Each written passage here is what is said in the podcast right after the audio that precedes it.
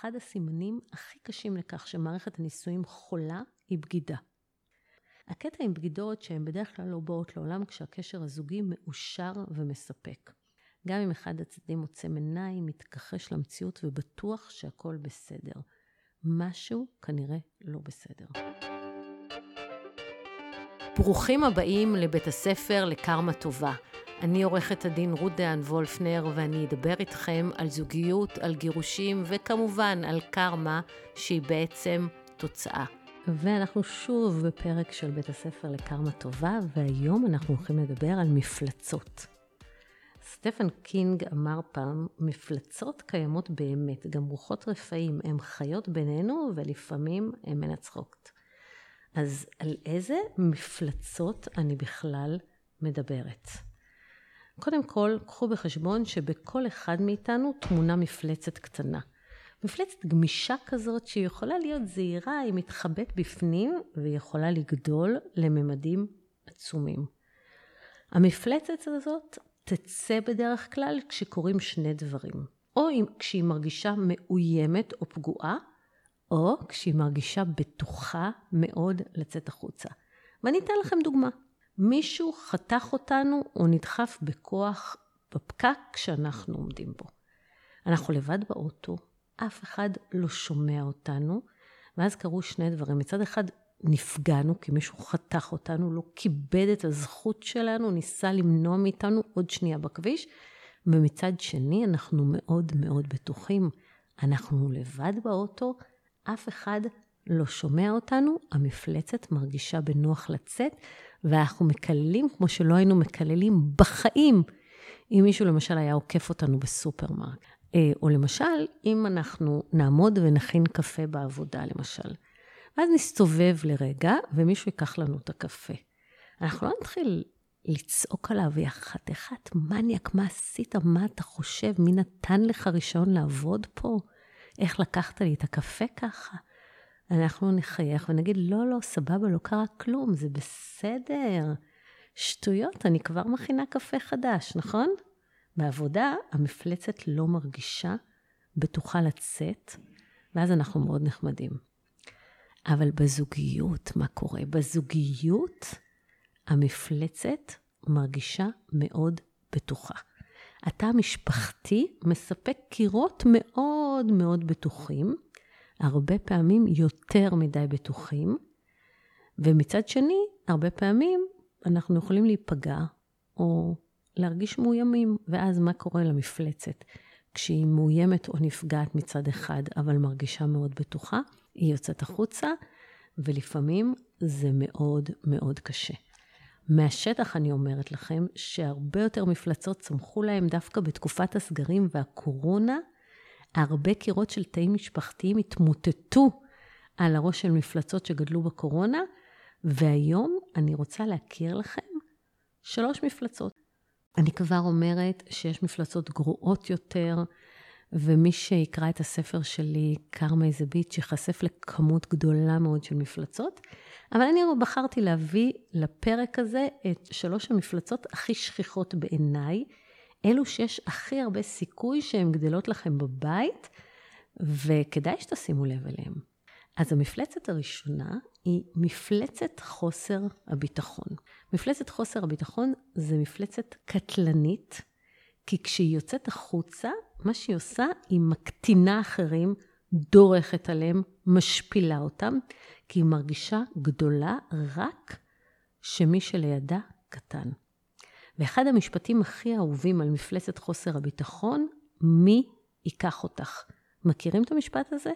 המשפט הזה, מי ייקח אותך, חוזר על עצמו בכל מיני וריאציות בניסויים פתולוגיים, ותאמינו לי שהוא אומר יותר על אומרו מאשר על מי שזה מכוון אליו. כי בוא, אתה לקחת אותה. אתה ממש לא רוצה להתגרש ממנה. למעשה, עמוק בפנים, אתה מת מפחד שיום אחד היא לא תוכל יותר לסבול את המפלצת הזאת שמנהלת לכם את החיים, והיא תקום ותלך, וגם אם תגיד לה עוד מאה פעם, מי ייקח אותך? זה לא יעזור. זה מה שקרה לקרן. שנים קרן הייתה שמנה, ממש שמנה ענקית. כשהם התחתנו היא דווקא הייתה במשקל תקין, אבל כל שנה הוסיפו כמה קילו, וכל הריון הוסיף עוד הרבה, והיא מצאה את עצמה בת 40 עם מעל 140 קילו. לאבי הבעל שלה זה לא הפריע. הוא מאוד אהב אותה, וכנראה בלב פנימה הוא הבין שהיא לא תברח לשום מקום, והיא תעלים עין מהמעללים שלו עם נשות המשרד החטובות, מעללים שתאמינו לי שהיא שמעה עליהם. אבל בעלה צדק, לא היה לה לאן לברוח, וחוץ מזה, היא באמת הייתה אסירת תודה לו שהוא אוהב אותה כמו שהיא, כזאת שמנה. האמת הייתה קצת יותר מורכבת. הוא אמנם אהב אותה כמו שהיא, אבל בכל מריבה הוא דקר לה את הלב כשהוא אמר לה, מי ייקח אותך?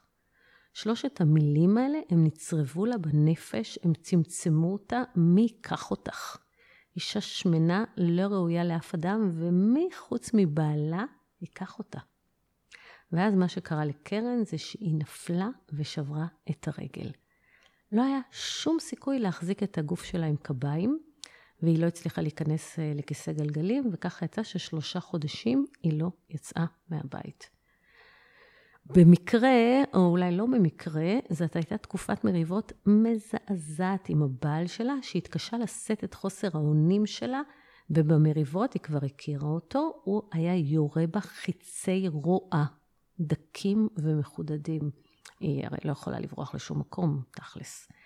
לילה אחד זה היה יותר מדי, הוא אמר לה לא רק שהיא שמנה, אלא גם מסריחה.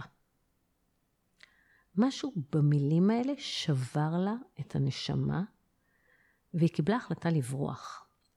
היא ידעה שזה ייקח מלא זמן ומלא משאבים, אבל בראש היא כבר הייתה שמה, והיא רקמה תוכנית פעולה. כמה חודשים אחרי שהסירו לה את הגבס, הוא ממש תמך בהחלטה שלה לעבור ניתוח לקיצור קיבה. הוא לא העלה על דעתו שהניתוח הזה עומד לקצר לו את הנישואים. הוא פרגן לה, הוא נהנה לראות איך בממש תקופה די קצרה היא השילה מעליה עשרות קילוגרמים, ואז גברים התחילו להסתכל עליה ברחוב, וזה הטריף אותו.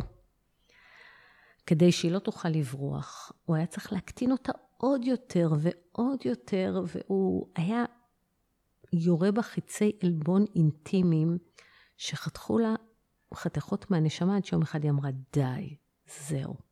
היא ארזה תיק, היא השאירה אותו בבית עם הבנות והיא הלכה. טוב, הוא לא, הוא לא באמת קנה את זה שהיא הלכה, הוא היה בטוח שתוך יום היא חוזרת על ארבע. ואז הוא התחיל לסמס לה, מי ייקח אותך שוב ושוב, מי ייקח אותך, מי ייקח אותך, מי ייקח אותך. עשרות הודעות שכל הודעה הכילה רק של... שלוש מילים. מי ייקח אותך? וקרן התעלמה, היא אטמה את האוזניים, היא לא חזרה. תוך שבוע הבנות עברו לחיות איתה, והוא קיבל ממני מכתב שמזמן אותו לנהל משא ומתן. הוא הגיע, הוא הגיע למשא ומתן, אבל הוא היה אבל וחפוי ראש, עם עיניים אדומות עם זיפים, התחנן שהיא תחזור. היא לא חזרה. את לא חייבת להיות שמנה כדי לספוג השפלות. למעשה אין שום קשר בין המראה החיצוני או הנתונים האובייקטיביים למפלס האלימות המילולית ולהשפלות, וזה בסך הכל פונקציה של גודל המפלצת שטמונה בבן הזוג המשפיל. זו רק המפלצת שלו, זה לא את. את גם יכולה להיות יפהפייה, והוא יגיד לך מי ייקח אותך, הייתה לי למשל לקוחה שהיא הייתה מרתוניסטית, היא רצה והיא הייתה, היה לה גוף מאוד מאוד חטוב. הוא היה מסתכל עליה והיה אומר לה, תראי איך את נראית. תראי איזה רזה את, מי ייקח אותך, מי ייגע בך.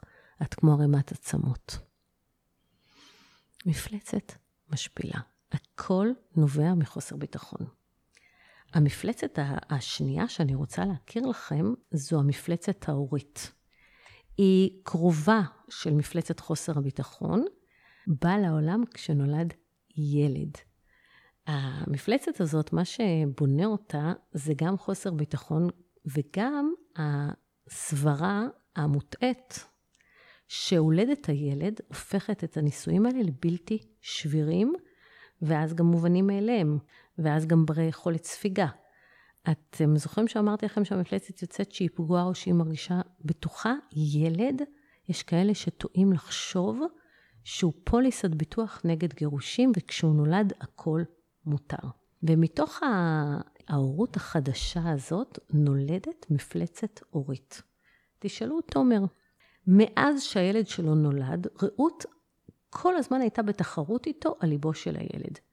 היה לה איזשהו חוסר ביטחון בסיסי, ומה שהיא עשתה זה שביד אחת היא נכסה לעצמה את הילד, וביד השנייה היא הרחיקה את תומר, הייתה עסוקה באובססיביות, ואני אומרת לכם אובססיביות, בלמחוק את הדמות האבאית שלו. זה התחיל מיד אחרי הלידה בבית חולים, כש... טוב, הילד היה קופי של אבא שלו. הוא היה בהיר, היה לו עיניים כחולות, ומי שאמר, וואי, איך הילד דומה לאבא שלו, היא ממש כעסה עליו. והיא אמרה, מה פתאום, הילד קופי שלי, אתם לא רואים? אבל זה רק התחיל בבית חולים, זה המשיך לאורך כל שבע השנים של הילד.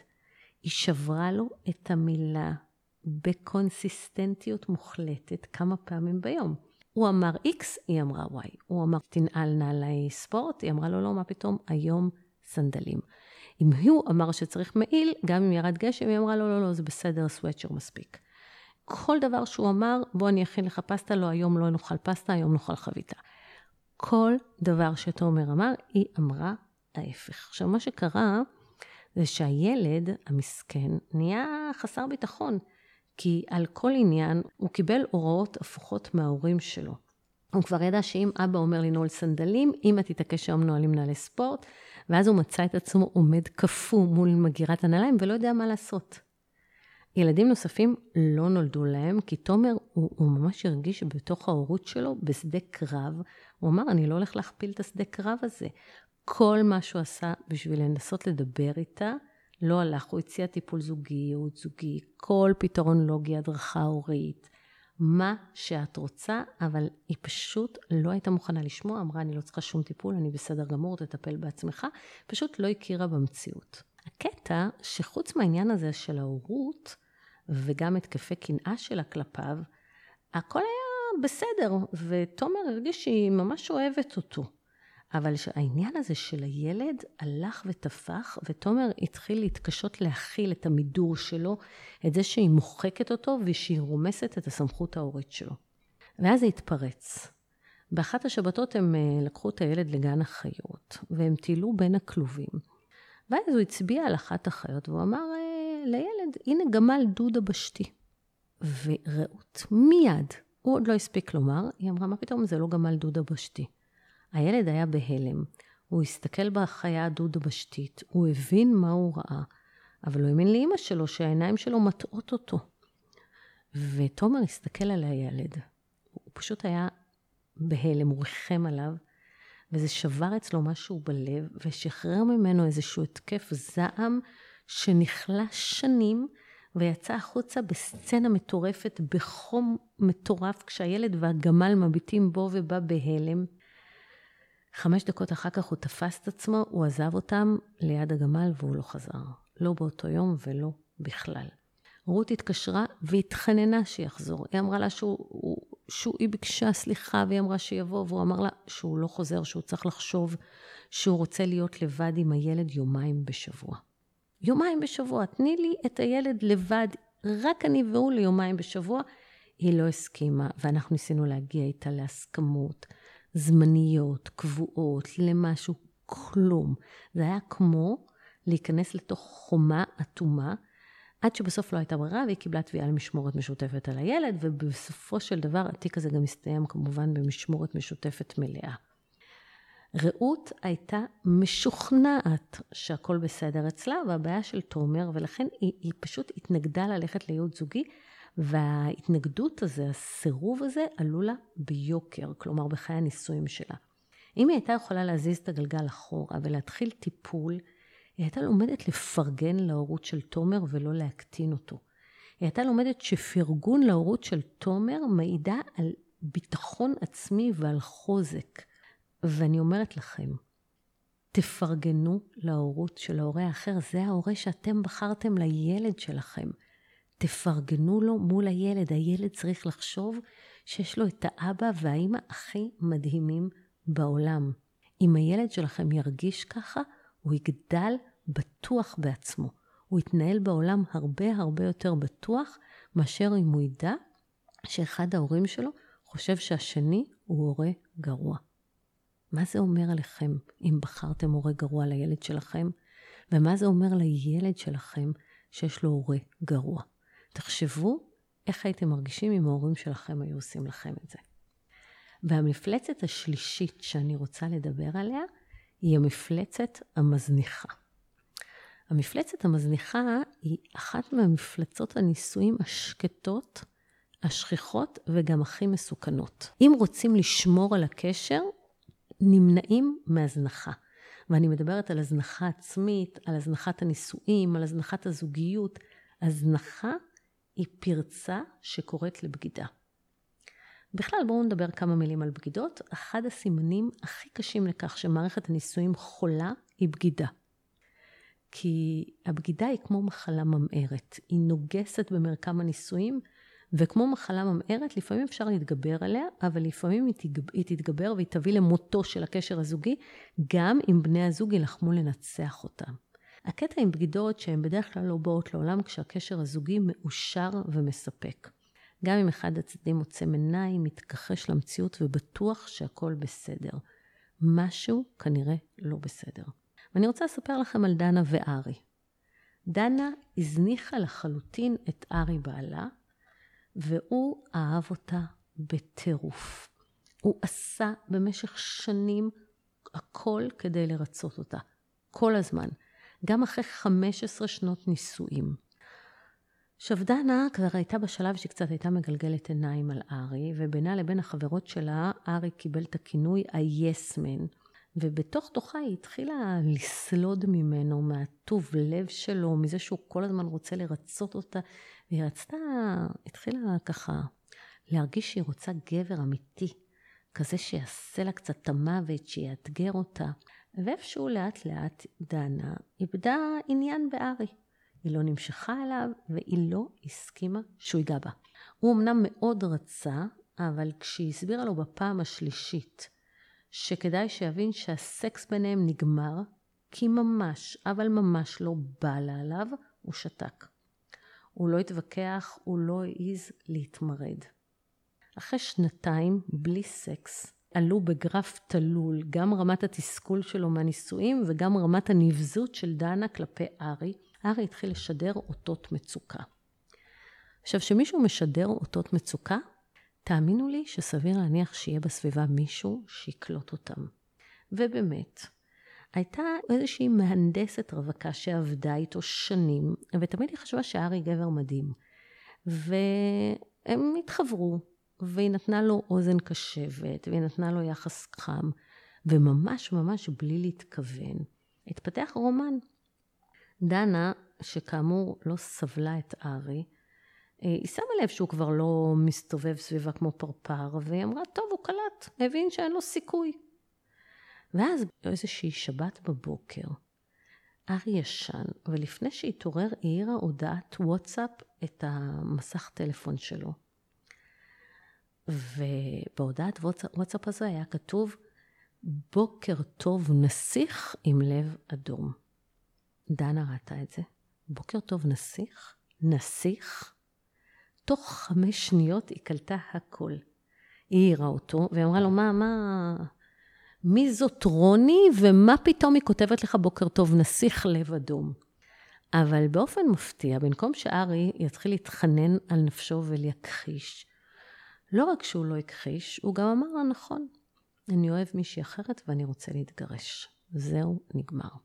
עכשיו, זה היה הדבר האחרון שדנה יכלה לצפות לו. היא הייתה עמומה. היא לא הפסיקה לבכות כי היא לא העלתה על דעתה שארי יכול לעזוב אותה, או אי פעם להפסיק לאהוב אותה. היא ביקשה סליחה, היא התחננה שיסלח, שאוהב אותה שוב כמו פעם, שילכו לטיפול זוגי, לסקסולוג, לאיפה שהוא רוצה, העיקר שלא יעזוב. עזב. בגידות, בגידות קורות. כמו שאמרתי לכם קודם, הן בדרך כלל לא קורות כשחיי הנישואים בריאים והן מעידות על חולי של הקשר הזוגי. אבל מה, לחלק מהבוגדים יש קווים אדומים. הם לא יבגדו עם האישה של החבר הכי טוב שלהם, או עם בת משפחה, או גיסה, אבל יש כאלו שאין להם קווים אדומים והם בטוחים שהכל מותר להם. בגידה עם מי שקרוב לבן או בת הזוג שלכם היא בגידה אכזרית, כפולה ומכופלת. היא מביאה לסיום מיידי וכואב של הנישואים, ועל אכזריות בסופו של דבר משלמים. לא תמיד קל לזהות שמי שלצידך נטול קווים אדומים. לעתים רק לעת משבר, כשמתרחקים צעד אחורה, ניתן לראות את התמונה כולה ולהבין עם מי ישנת בלילה. זה מה שקרה לזהבה, שריחמה על שי בעלה המובטל, אבל הוא מה זה לא ריחם עליה. וגם לא על הנישואים שלהם. שי אמנם היה כלכלן במקצועו, אבל הוא לא הצליח להתמיד באף מקום עבודה. כשפיטרו אותו ב-2010 מהמשרה שלו כמנהל כספים בחברה קטנה, הוא ניסה למצוא עבודה, והוא ניסה שוב ושוב, והאמת, כמעט עשור שהוא מנסה למצוא עבודה, ובינתיים מי שמפרנס זה זהבה, את כל המשפחה. לא בקלות, וצריך להצטמצם, וכבר שנים, עוד לפני הקורונה, היא לא ראתה מטוס מבפנים. אבל אתם יודעים איך זה, החיים נמשכים, ושי בסך הכל איש טוב, שפשוט לא הולך לו עם עבודות. שנים זהבה העלימה עין מזה שהוא לא עושה כלום בבית, היא לא רצתה לתת לו תחושה של עקר בית. ושי? שי השאיר לה כל יום כיור מפוצץ בכלים שהמתינו לה שתחזור מהעבודה, ערימות כביסה לקפל גם חיכו לה. את העוזרת הם פיטרו מזמן, כי עוזרת זה מותרות כשיש משכורת אחת, ושי הבטיח שהם יחזירו את העוזרת מיד כשהוא יחזור לעבודה. אבל זהבה לא ידעה שבשנתיים האחרונות שי הפסיק לנסות. הוא התחיל ליהנות מהחיים בפנסיה הזאת המוקדמת, רק בלי הפנסיה, ולגיש שלו הוא אמר בסוד שבכלל לא רע לחיות ככה. יום אחד זהבה חזרה מעבודה בשעה לא צפויה ושי לא היה בבית. וכשהיא שאלה את הבן שלה איפה אבא, הוא אמר, אני לא יודע, אבל אנחנו יכולים לראות את uh, כל הטלפונים באפליקציה הזאת, find my iPhone. וזהבה נכנסה לאפליקציה והיא ראתה את שי בכתובת כשהיא מכירה. מכירה מצוין. היא התקשרה אליו והוא שיקר ואמר לה שהוא אצל חבר שלה, וכשהיא התקשרה לאחותה היא לא הייתה זמינה. חוקר פרטי שזהבה שכרה למחרת הביא לה תוך שבוע דוח מלא. שי מנהל רומן עם אחותה, כן, כן, אחותה האהובה. זאת שמבוגרת ממנה רק בשנה וחצי, וכולם תמיד חשבו שהן תאומות, זאת שהייתה בוכה לה על הכתף אחרי מריבות. האחות הזאת ניהלה רומן עם שי. מכאן לא הייתה שום דרך חזרה. מה שהדהים אותי זה כששי הבין שהוא נתפס, לא רק שהוא לא התנצל כלום, הוא יצא למלחמת חורמה. קודם כל הוא הכחיש את הרומן. הוא הכחיש מובטלות יזומה, והוא דרש את מלוא הזכויות שלו, כולל מזונות גבר. כן, אין לתאר את זה. אנחנו הגשנו תביעת גירושים מטעם זהבה, וסיפרנו את כל החיים שלה, ביקשנו לחייב אותו בכתובה שלה. למנוע ממנו לקבל מחצית מהזכויות הסוציאליות שנצברו במהלך שבע השנים המובטלות שלו. וכשהעדים הגיעו לבית הדין הרבני, הם סיפרו על הפרזיט, על הבגידה, על השקרים, על המובטלות מרצון, ואז לא רק שכל הדרישות שלו נדחו, הוא גם חויב לשלם לזהבה את מלוא הכתובה שלה. הרומן האסור הוא בדרך כלל רק קצה הקרחון. כשהקרחון כולו מתגלה, מתגלית בדרך כלל אישיות מופרעת ונטולת גבולות, כזו שמוכנה לשרוף את כל הגשרים, שחושבת שהכל מותר, שנעדרת כל גבולות מוסריים, ושאין לה מושג שקרמה a bitch. אז אה, אם אתם מזהים שיש לכם מפלצת מתחת למיטה, ואתם אה, לא בטוחים מה לעשות, אני רוצה להציע לכם שיטה לקבלת החלטות. זו שיטה שמלמד פרופסור יוסי אסעור, והיא הולכת ככה. אם אתם לא מצליחים לקבל החלטה כלשהי, תהפכו אותה לפסיבית. מה זה אומר? זה אומר שאתם לא אלו שצריכים ליזום את התהליך, אלא מישהו יזם את זה עבורכם, איך אתם מרגישים. האם הייתם מרגישים הקלה או מועקה? וככה כל פעם שאתם נתקלים במפלצת, או שאתם בטירוף על בני הזוג שלכם וכבר חושבים להיפרד, אבל אתם לא יודעים אם זו ההחלטה הנכונה, תבדקו איך הייתם מרגישים אם היא או הוא היו באים ומחליטים להיפרד מכם. אם תחושו הקלה, זה בא ממנו ואני ממש בסדר עם זה, אפילו יש לי הקלה, סימן שזה הדבר הנכון. אבל אם הרעיון הזה שבן בת הזוג שלכם, גם אם הם מפלצות, בא ומבקש ליזום גירושים, מפיל עליכם מועקה, אתם צריכים ללכת לטיפול זוגי. טיפול זוגי יכול בעיניי להציל נישואים גם במקרים קשים. הוא מציב לכם מראה מול העיניים. הוא מציג לכם את המפלצת שלכם, והוא מלמד אתכם איך להקטין אותה, איך להחזיר אותה עמוק פנימה, איך להציב גבולות. מטפל זוגי טוב הוא בעצם מאלף מפלצות. ותראו, טיפול זוגי עדיף, אבל לפעמים אין נכונות ללכת לטיפול זוגי. בן או בת הזוג שלכם אומרים לכם, אני לא צריך טיפול, או אני לא צריכה טיפול, אנחנו, אני מתנגדת לטיפול, אני לא מאמין בטיפול זוגי. אז אלו אה, תפיסות שאני שומעת הרבה מאוד. אז קודם כל אני רוצה להגיד לכם שאם מישהו מבקש מכם ללכת לטיפול זוגי, יש לכם בעיה בזוגיות ואל תתעלמו ממנה. אתם יודעים מתי ההסכמה לטיפול זוגי מגיעה? ההסכמה הזאת מגיעה אחרי שכבר אמרו לכם שאתם רוצים להתגרש. פתאום מוכנים לטיפול זוגי, לפעמים זה טיפה מאוחר מדי. אם בן או בת הזוג שלכם מציעים טיפול זוגי, תקשיבו טוב להצעה. זה אומר שהם מרגישים שאין להם כלים להתמודד עם המשבר הזה. אבל בואו נגיד שהצעתם טיפול זוגי ובן או בת הזוג שלכם מסרבים. לכו לטיפול פרטני. בעיניי טיפול זה המתנה הכי טובה שאדם יכול לתת לעצמו. הוא מאזן, הוא מפקס, הוא מלמד אותנו לשים גבולות חיצוניים וגם פנימיים, והוא יכול לעזור לנו עם הציפיות שלנו מהחיים, מהזוגיות, לתת לנו נקודת מבט על מה נכון ומה לא נכון, ופשוט להציל את הזוגיות.